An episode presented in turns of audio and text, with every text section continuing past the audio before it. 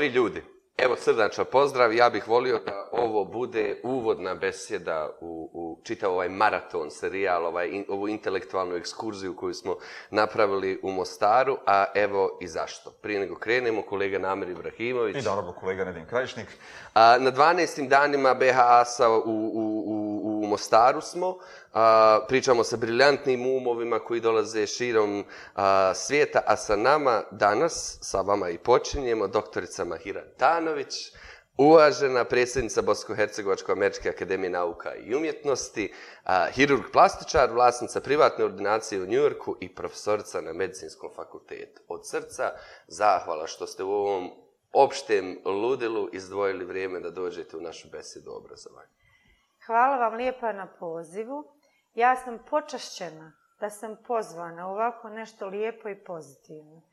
Sve što sam čula u vašoj emisiji je tako pozitivno, ima jako puno pozitivne energije i pomaka naprijed, pa ako sam ja u stanju podijeliti jednu rečenicu s vama od koje će neko imat koristi, ja sam vrlo sretna. Uopće ne sumnjamo da će naša zajednica inovativnih nastavnika, jer nastavnici i nastavnice su nam uglavnom publika, ali i, drugi zainteresirani u temu obrazovanja, ne sumnjam uopće da će naučiti ne jednu rečenicu, nego više stvari. Mi krećemo sa jednim vrlo ozbiljnim pitanjem. Što vama, doktorica, ovo u životu sve treba? Pitanje je vrlo jednostavno, a odgovor, ja ne znam da vam mogu dati jednostavan odgovor. Moram citirati ponovo e, gospodina Erika Nelson, Imala sam priliku prije godinu dana i baš sam ga podsjetila neko večer kad je došao na naše otvaranje, da ga se često sjetim jednu rečenicu koju je on rekao pa on se ne sjeća rečenice. Ovaj, razgovarali smo o Bahasu, razgovarali smo o cijeloj toj jednoj skupini pozitivnih, jednostavnih ljudi koji su otišli iz raznih razloga i pod raznim okolnostima i rasuli se po cijelom svijetu. 2007. godine u Louisvilleu jedna grupa naših entuzijasta profesionalaca je odlučila, hajmo napraviti nešto gdje ćemo se okupiti pa ako možemo nešto podijeliti s nekim i tako smo krenuli. I ovaj, znajući tu cijelu historiju, gospodin Nelson je rekao, moram reći na engleskom, probably it's your way of healing.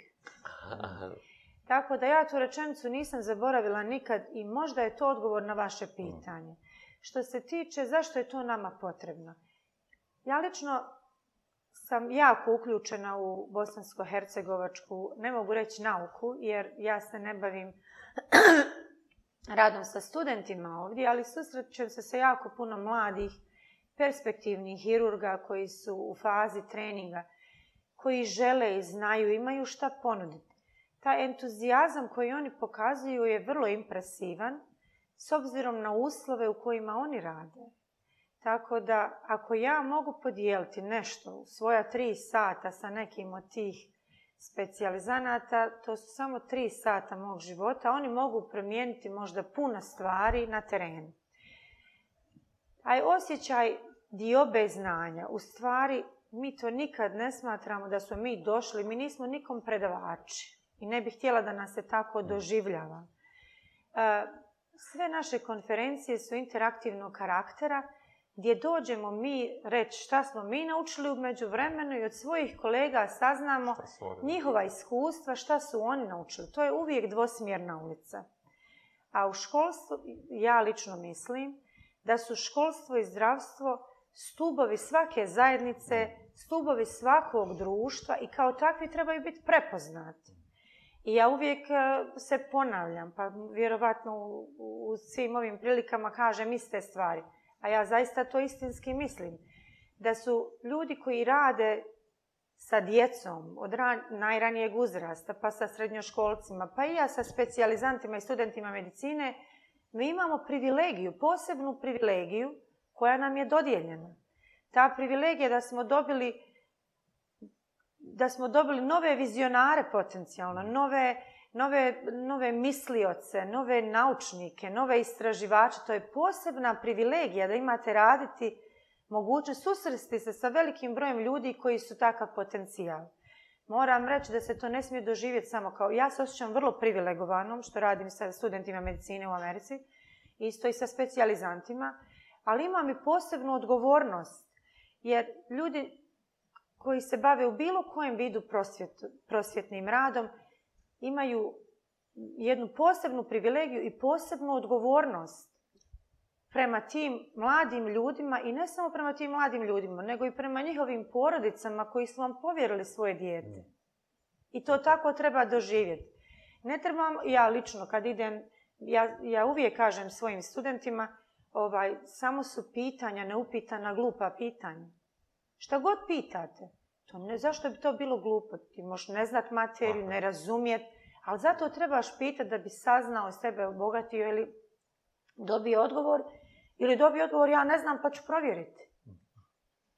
Govorite o, o, stubovima, dakle zdravstvu i školstvu, kao stubovima društva. Sa ovim vašim iskustvom koje imate iz Amerike i iskustvom koje imate u Bosni i Hercegovini, kakvi su nam ti stubovi zdravstva i školstva? Čvrsti, jaki, načeti, narušeni? Gdje smo? Kako vi vidite to? Ja mogu govoriti o školstvu prijeratno, mhm jer ja pripadam toj generaciji, sad ako vam to kažem, ispod ja puno stara šalim ovaj, naše školstvo, e, ne trebam ja govoriti o tom školstvu, čiji sam ja produkt, ali vam moram reći da svi ljudi koji su došli kao stručnjaci u Sjedinjene američke države imali nešto ponuditi, niko nije propao. Mhm.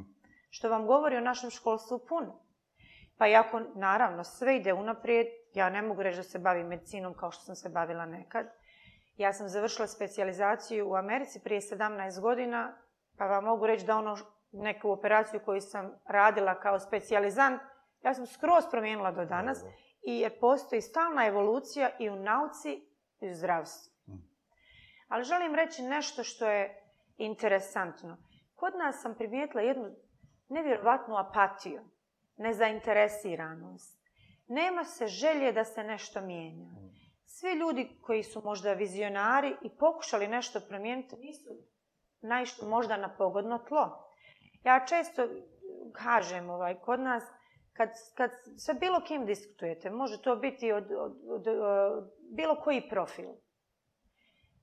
Kažete, može li se nešto. Prvo će vam svako reći, Deset razloga zašto se ne može nešto promijeniti na ovoj čaši. Prije nego vam kaže jedan razlog kako ćemo to promijeniti. Znači, mozgovi naši su programirani na ovim terenima da se prvo objasni zašto je to nemoguće. Da se izgrade sve ograde, zidovi ispred. I nenadležnost, to je jako važno. Mi nemamo odgovornosti nikako. Ja često kažem, ako sam ja dobila da vodim, recimo, sad je neko rekao, evo, doktorice Tanović, vi ćete biti šefca odjela za plastičnu i rekonstruktivnu hirurgiju. Ja kažem, hvala vam, ja sam počešćena odlično. Nije to dovoljno.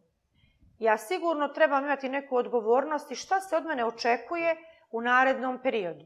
Da li je to da ja obrazujem toliko i toliko ljudi, da povećamo broj operacija, da imamo bolje rezultate šta želi neko od mene. I resurse imate na raspolaganju. Tako je, ali prije svega se moraju postaviti zadaci prema odgovornim ljudima i ne samo zadatak, nego i očekivati da se to... I vi kažete mogu ili ne mogu. Tako je. I očekivati da ja imam odgovornost ako sam prihvatila jednu obavezu i rekla da ću ja to uraditi i na kraju kraja treba postojati tijelo koje će imati meritornu evaluaciju na kraju toga ako ja nemam nikakvu odgovornost, ako sam ja jedan nezainteresovani profesor, pa ljudima samo čitam slajdove i ja kad pripremim slajdove, ja nikad se ne obraćam svojim slajdovima. Slajdovi su reference kojim studenti trebaju da se obrate, a ja sam pripremila puno širu bazu ili užu bazu, zavisi o čemu predajem, a slajdovi služe njima kao jedan podsjetnik, kao referenca. Jer ako ću ja reći, jeli, ću ja čitati te slajdove, ja ne trebam biti tu nikako. Tako. Svako zna čitati. Pošaljite im prezentaciju. Tako je. Ali oni moraju imati neke reference da bi oni došli spremni, da znaju šta će pitati, sebi da smisle pitanja, ne da bi podigo ruku pitao pitanje, nego da, vidi da li razumije materiju, da li nešto želi sad. Ponovo ću se vratiti na školstvo. Ja sam sigurna da prosvjetni radnici kojima je to, e, kako da kažem, puno radno vrijeme da to rade, sigurno imaju više doprinijeti, više reći nego što imam ja. Jer ja sam ovaj, ipak hirurg i u sklopu tog svog i vremena i, i želje imam doticaj sa studentima. Dok god ljudi ne budu odgovorni za ono što im je povjereno i prema svom radu budu nagrađivani, Stvari se neće promijeniti temeljito, niti će se promijeniti brzinom koju tu želimo. I posebno društvo, recimo, američko društvo jako cijeni školstvo i zdravstvo. Ja često čujem ovdje kad se kaže privatne škole u Americi samo platiš i sve završiš. Ja vam moram reći, ja bi voljela sve te ljude samo da hodaju za tim studentima jedan mjesec. Pa da vide čemu su izloženi studenti. Vi možete biti primljeni na najbolju školu koja košta najviše para i da ste tu zasluženo došli. Ali tačno se zna šta dijete mora raditi. Tako je. Ako ste vi došli u priliku da je vaš prosjek, recimo, najveća ocjena je četiri. I ako ste došli u priliku da su vaše ocjene dva i pol, vas zove odmah dekan za nastav i kaže, slušaj, imaš ovoliko vremena da ovo sve popraviš, da se malo odlijepiš i gurneš, inače morat ćeš promijeniti instituciju. Zašto? Oni ne dozvoljavaju da se reputacija jedne institucije narušava tvojim prisustvom. Što je jako ispravno. Tačno. ja sam, Sarajevo, Ja sam predavač, od mene se očekuje da djeca na svojoj evaluaciji, oni mene evaluiraju naravno kao i ja njih, ali ako će oni polagati, imamo kliničke predmete, jel tako, iz hirurgije ako se pokazalo da pitanja iz plastične i rekonstruktivne hirurgije, ako je recimo na ispitu od 80 pitanja, bilo pitanja 10, ako su oni u prosjeku odgovorili jedno pitanje tačno, pa boga mi dekan za nas što ću reći imate li vi doktorce neki problem? Pa, do vas e? razumijete, nije do studenta. Ovaj, ja se nadam da su se metode učenja i kod nas promijenile, jer ja kad sam bila student, ja često kažem uz dužno poštovanje mojim profesorima kojih je bilo divnih, ali ja mogu tvrditi da je 75% mojih profesora stalno nama pokazivalo kako nismo adekvatni, kako se trebamo ispisati. Ja kažem, ja sam završila medicinu uprko svojim profesorima. Mm. Ovdje, nažalost, dakle, drugačiji su sistemi. Ovdje je javno obrazovanje, ovo vi ste govorili o njemu, vi ste prošli kroz ovaj, bivše države, dakle, obrazovni sistem. On u svojoj postavci je isti kakav je bio i tada. I danas u ovom univerzitetskom obrazovanju nastavnik najčešće predaje, djeca nešto zapisuju, uče, uče kod kuće, vrate se, reprodukuju, ako dobro reprodukuju dobiju pet za to, dakle ono najniži mogući nivo, i onda tu staje. Ono o čemu, je, čemu ste govorili što je važno vezano za, za medicinu u smislu evaluacije rada, kada ste govorili ako vam neko ponudio posao, nažalost ovdje se to nije desilo. Mnoge brojne edukacije su radile i međunarodne organizacije i nevladne organizacije i nastavnici su pokušavali u svojim podjeljenjima da primijene nove metode učenja i podučavanja.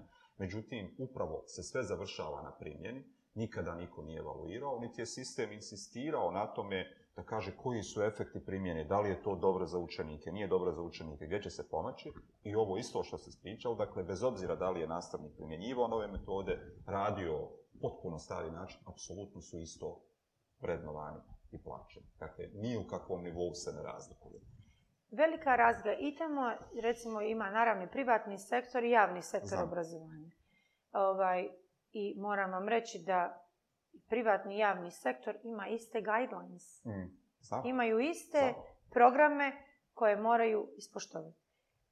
Kako dolazi do evaluacije? Svake godine ima ispit za djecu i evaluacije. Dok se god ne postigne da svaki, recimo, profesor matematike koji predaje u Mostaru, u Drežnici, Jablanici, Čapljini, Sarajevu i Tuzli ima isti program.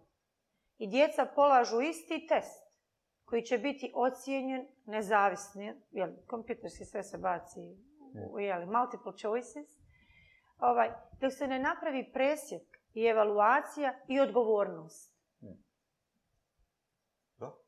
Ne, I pazite, postoje i u hirurgiji. Ma i u Americi postoje, naravno, nemojte mi da Amerika idealno društvo.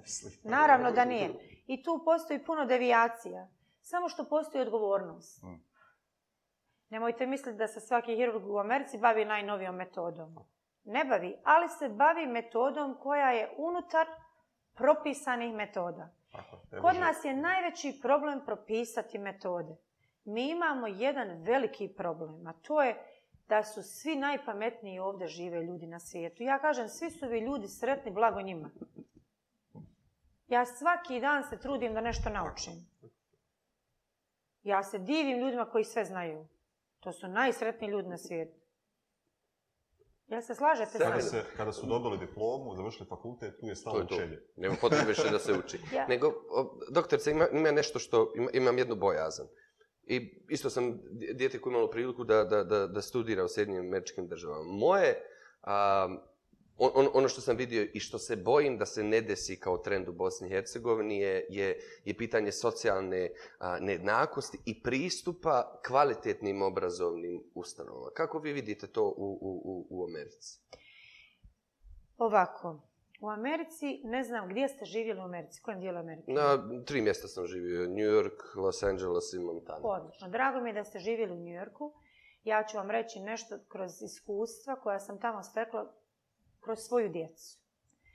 Ovaj, postoji veliki broj public škola koje su besplatne u potpunosti, vrlo kompetitivne, bez obzira ko vam je tata, mama i koliko imate para, ne možete doći u tu školu. Ako niste položili jedan ispit i taj ispit ima samo jednu šifru, vaš broj, prima 2% djece od ukupnog broja aplikanata. Znači, na te specialized high schools prijavi se 60.000 studenata i primi se 6 do 8.000 koje se rasporede prema e, djeca rangiraju first choice, second choice, tako dalje i djeca dospiju teško. Talentovana djeca, inteligentna, to nije sad ispit koji pokazuje vaša stečena znanja, pokazuje vašu sposobnost u budućem radu. Znači, test je inteligencije. On vas ne ograničava. Recimo, puno ljudi počinje svoju djecu pripremati za te škole, neki communities koje su velike, recimo, svoju djecu i svaka zajednica koja zna značaj školovanja, u to jako puno ulaže. Recimo, vi ste primijetili da puno ljudi koji dolazi iz Azije, oni jako puno polažu pažnje na škole istočni evropljani također, ja mogu nas vrstati, mada smo u centralnoj Evropi, u tu skupinu. Jer mi smo svi rasli, mi smo sretni ljudi koji su rasli u, društvu i porodici, ako si zdrav, šta ti drugo preostaje, nego da još u školu da učiš. Pa dokle god možeš, mama i tata samo ti uči i sve će biti u redu, li tako? Što se tiče dostupnosti, moram vas tu ispraviti. Vi nemojte misliti da su privatne škole, privatne škole u stvari, u srednje školi imaju puno manje kvalitetnu nastavu u New Yorku nego što imaju specialized high schools, koje su public škole, koje djeca polažu ispiti. Ja sam se sretala sa roditeljima u Stuyvesant High School, koju, to je moja čerka završila. Sin nam je završio Brooklyn Tech High School. Ja sam se sretala s roditeljima koji ne govore engleski jezik. Uopšte. A znaju značaj škole i njihovo dijete je došlo u najbolju školu to su škole među deset najboljih Sjedinjenim američkim državama. E, ali me taj princip da, da, da su osnovne škole mahom financirane od strane zajednice, pa sad u odnosu je zajednica bogata, nije bogata, toliko ima novca da investira, pa to posljedično vodi i pitanje investicija i, i, i, i kvalitet. A ne bih volio taj fenomen. Ali to se već dešava u Bosni i Hercegovini odnosno na kantone, na entitete, koliko se ulaže unutar obrazovanja. Jasno se vidi razlika u, kvaliteti djece. I ne samo to, nego i uvjetima iz kojih pojedini dolaze. Dakle, dolaze učenici iz sredina u koje nemaju nikakvo poticajno okruženje u koje mogu čak usvojiti neka elementarna znanja. Jer žive u granicama ekstremnog siromaštva, nije im škola dostupna na nivou da mogu doći i učiti ili pokazati i na kraju nisu im roditelji ti koji čak mogu i doći da osvijeste da je to važno, niti da im daju neke dodatne stvari. Opterećeni nekim drugim stvarima. Razumijem, takav problem postoji u Americi. Mm. Razumijem šta me pitate. Ako tamo, je, tamo se public škole financiraju iz e, taksa, iz e, e, poreza, poreza jel tako? I naravno onaj ko živi koji u stanju platiti malo više za svoju kuću, tu ima bolja škola jer dio poreza ide za to. Međutim, tu je u stvari velika uloga prosvjetnog radnika, mm, učitelja, da prepozna kvalitet tog djeteta. Nisam ni za kakav elitizam, mhm. ali ako se moramo predijeliti za jednu vrstu elitizma, to bi trebala biti elitizam koji će se odnositi na bistre glavice djece mhm. i pametne umove. Mhm. Moramo razumjeti jednu stvar. Mi, u nas je školstvo prije za vrijeme Jugoslavije bilo poprilično uniformno i poprilično smo imali sve programe. Ali gledajući to iz ove perspektive, odličnim đacima je bilo dosadno u razredu. Zato što nemaju nikakav izazov. Amerikanci su to malo drugčije odredili. Kod njih nema, ovaj, ta diskriminacija intelektualna je prisutna i na neki način je treba i podržati. Ako jedno dijete uspjelo završiti svoj svoj zadatak za 4-5 minuta, šta će on će zvjerati još 40 minuta po razredu. Oni čak u dijelovima gdje ne mogu napraviti, oni imaju odjeljenja koja se zovu gifted and talented, gdje oni djecu prepoznaju odmah, gifted and talented po nekim testovima. Ta djeca imaju malo napredniji program, nema veze ko ti je mama, ko ti je tata, odakle si došao, Djeca se stimuliraju. Treba prepoznat, tu je upravo uloga jednog prosvjetnog radnika koji ima privilegiju da upozna dijete od sedam godina koje, ili šest godina koje je fenomenalna podloga za napredak. Da prepozna i da ono, da taj, ne kažem da će sad čovjek biti, djeca se odgajaju i u kući i u školi, često Amerikanci tu ulogu žele zamijeniti. Oni kažu, pa ako mi dijete ne volja, to je kriva škola i tako dalje ovaj, to je mogućnost da se prepoznaje. I vjerovatno, vjerovatno postoji mogućnost da se to razvije, da se ta djeca, da imaju savjetnike, da se ta djeca upućuju prema ljudima koji trebaju dati e, kvalifikovan savjet kako dalje.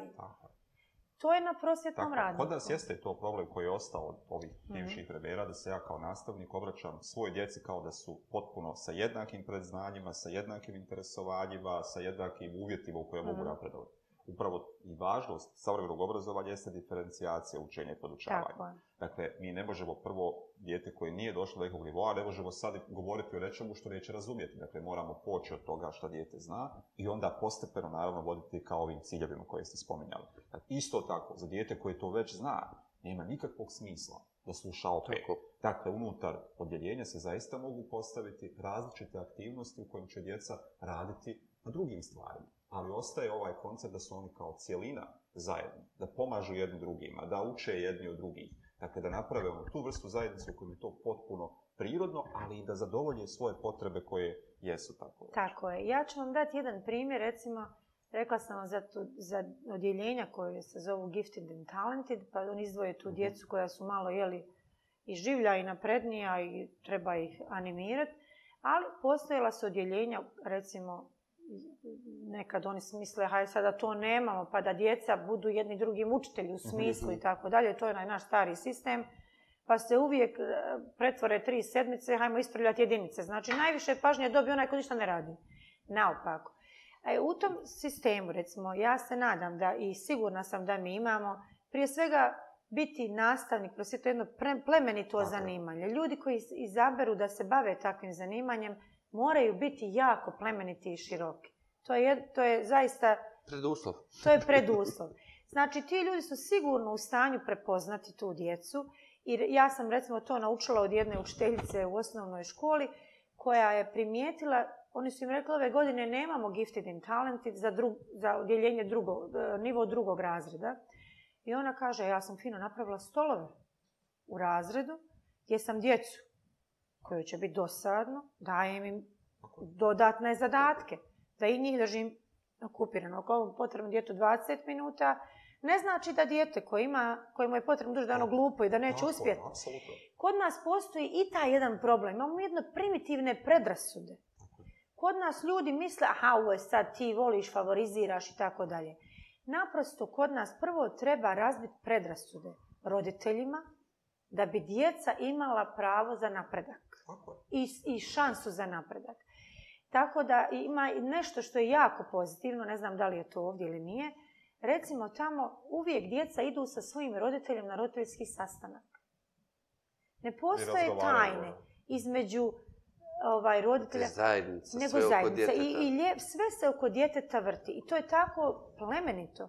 I ta učiteljica koja vas, gdje vi dođete na roditeljski sastanak, ona pred djetetom govori njemu rezultati, kaže vidiš ovo si pogriješio pa smo o tom razgovarali.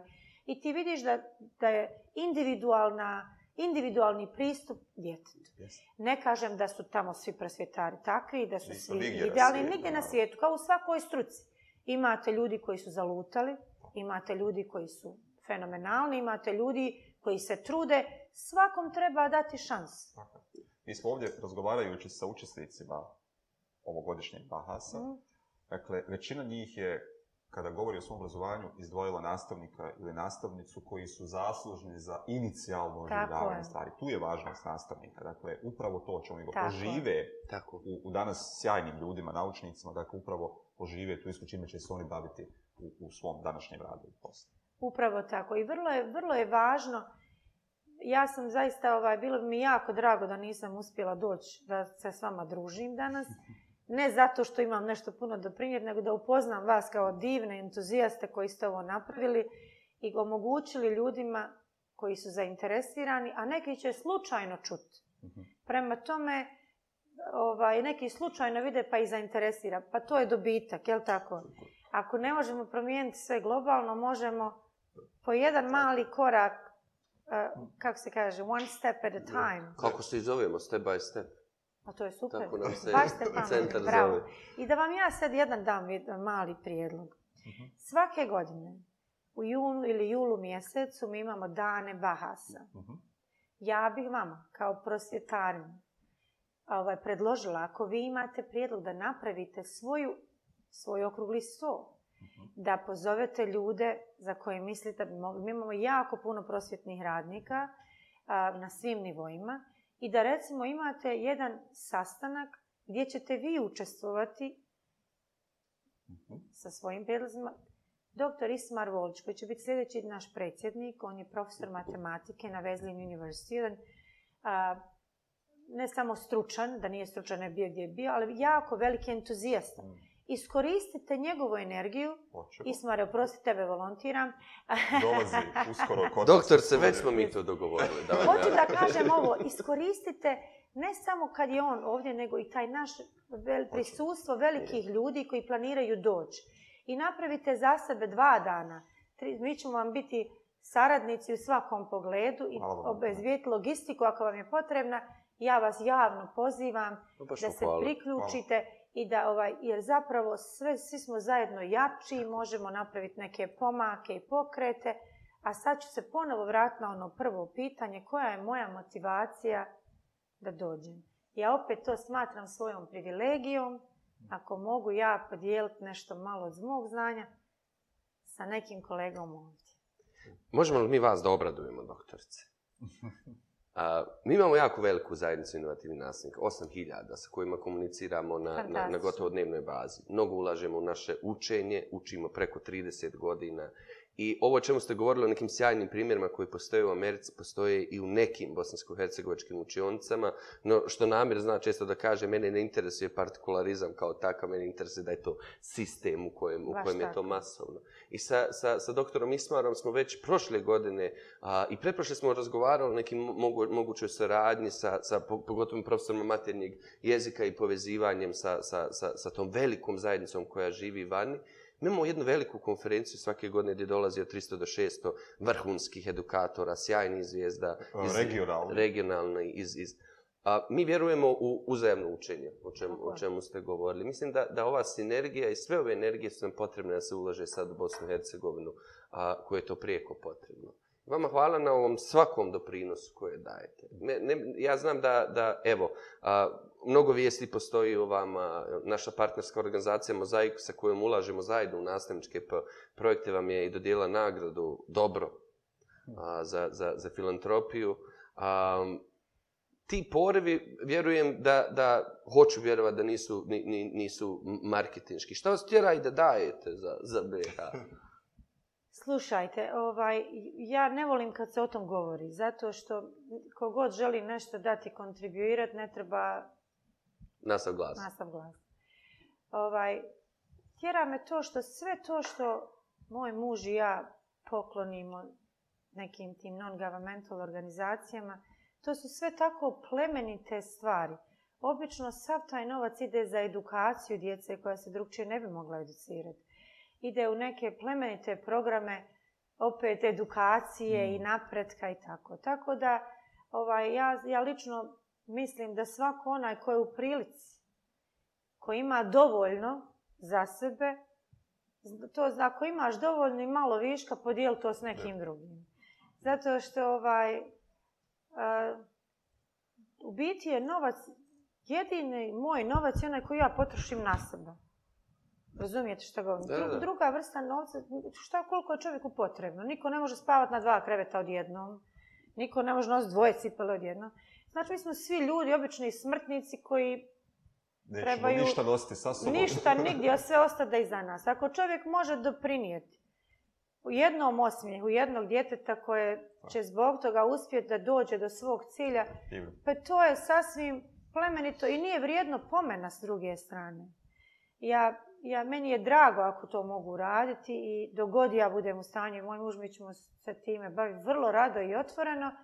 I jako mi je drago da naglasim, imamo dvoje djece koji imaju istu vrstu poriva i istu vrstu naklonosti i prema Bosni i Hercegovini kao, kao zemlji svog porijekla. Naša se kćer rodila u Njorku, ima 25 godina, a kad bi je neko pitao bilo gdje odakle su na uvijek kaže da iz Mostara. Vrlo interesantan fenomen. A sin ima 28 godina i studira medicinu i... I rođen je u Mostaru. On je rođen, nažalost, u e, izbjeglištvu. U stvari, u vrijeme kad smo čekali... druga duga priča, ne bi da, ovako lijepi događaj kvarimo. Otišao je u Ameriku, imao šest sedmica. A s ponosom mogu reći e. da su naša djeca u potpunosti ne samo bilingvalna, nego trilingvalna, oboje govore španjolski jezik, fantastično, što ne ide u prilog mužu mom i meni, pa pošto kad nešto hoće reći da mi ne razumijemo, oni pričaju španjolski. A što se tiče našeg jezika, oboje znaju čitati ćirilicu i latinicu. Ovaj, I ovaj, drago mi je da smo to uspjeli postići, jer mislimo da znanje jezika nije samo znanje govoriti i razumjeti, trebaju se znati kulturološke reference. I to je samo pravo znanje jezika. Tako da... Evo za kraj, molim vas, pošto uvijek, uvijek želimo da, da, da gledamo naprijed u, tu budućnost koja je pogotovo u Bosni i Hercegovini vrlo neizvjesna. Šta sanjate za, za, za obrazovanje u Bosni i Hercegovini u budućnosti? Ja mislim da će se to dogoditi vrlo brzo i da ste vi na pravom putu da to napravite, a to je da imate jedan sistematizirani način evaluacije. Mm rezultata studenata i prosvjetnih radnika. I bilo bi, ja znam da je cijelom ovom kompartmentalizacijom nesretnom ima jako puno proizvoljnosti eh, i tako dalje. Nadam se i mislim da ste na putu, pošto znamo STEM i tako dalje, da ćete uspjeti napraviti jedan sistem uskoro koji će biti prihvaćen, podržan i primijenjen. Mm, tako Na osnovu kojeg ćete imati rezultate. Sramota bi bilo da jedno dijete iz Bosne i Hercegovine ne može konkurisati na informatiku u Parizu. Da, Ako zna francuski jezik ili informatiku u Beječu i tako dalje. Ne treba biti to prepušteno individualcu. Svako dijete bi trebalo imati šansu da dođe do toga Naravno, neće sva djeca doći do toga, niti ima iste sposobnosti, niti iste interese i to kao tako treba shvatiti. Ali ne trebamo biti ovaj, na donjoj ljestvici evaluacije. Nismo, ja mislim, nikad bili na Ja vam moram reći da u Njorku, da sad se ujedi, da mi želimo kao bosansko-hercegovačka dijaspora napraviti multidisciplinarnu bolnicu sa svim specijalistima mi bismo je mogli napraviti da ne zaposlimo nijednog Amerikanca. Zar to nije nevjerovatno? Pa, Niko od nas nije završio medicinu u Americi. Prema tome, to je znak da nam ne fali ni mozga, ni pameti, ni edukatora, ja sam dobro rekao, Nedostaje odgovornosti. Odgovornost, sistematizacija, sve što, morate sve pojednostaviti. Kod nas se strašno puno priča o svemu, a ništa se ne dešava. I ja nekad mislim, meni ljudi, ja kažem da je bogat, prvu rečenicu, srednju i zadnju. Nemoj gubit vrijeme. Puno se gubi vremena sve zašto nešto ne Pa, kažemo, kad imate sistem, podrška sistema, implementacija i odgovornost. Neće niko otići u zatvor ako nije to, ali ne mora se baviti time što čime se bavi. Doktorci. Ja se nadam. Hvala vam, Doliba. Hvala vama lijepa i hvala vam na entuzijazmu i hvala vam na ovako jednom divnom, plemenitom načinu da do ljudi dopremite svijest. Mi to zovemo entuzijazam iz očaja. Ovaj, znate šta, puno stvari je nastalo iz očaja. Puno rješenja i u nauci. Mm. I ovaj, ja mogu reći u operacijenoj sali čovjek neka dođe na ideju kad je očajan možda bi ovo moglo. I u svemu drugom. Najbolje stvari mogu nastati iz očaja. Samo ja želim da se očaj završi. Da, želim vam puno sreće u budućem radu. Hvala, puno. I, vama također. Hvala vam lijepa. Hvala vam lijepa na mogućnosti. Energiju. Pa energije mi nikad ne nedostaje. Baš vam hvala. Hvala vam najljepše. Dobri ljudi, bila je to uvažena Mahira Tanović, prijesenica Bosko-Hercegovačke američke Akademije nauka i umjetnosti, naša gošća u besjedi. Hajde da budemo zajedno odgovorni svaku svom domenu. Kolega Namir Ibrahimović. I naravno kolega Nedim Krajišnik. Do sljedećeg Ćao. Pauza. Vidite dolje dugmić, crveni, subscribe, imao neko zvonce. Odmah, čim kliknete, mi nastavljamo. Iste sekunde.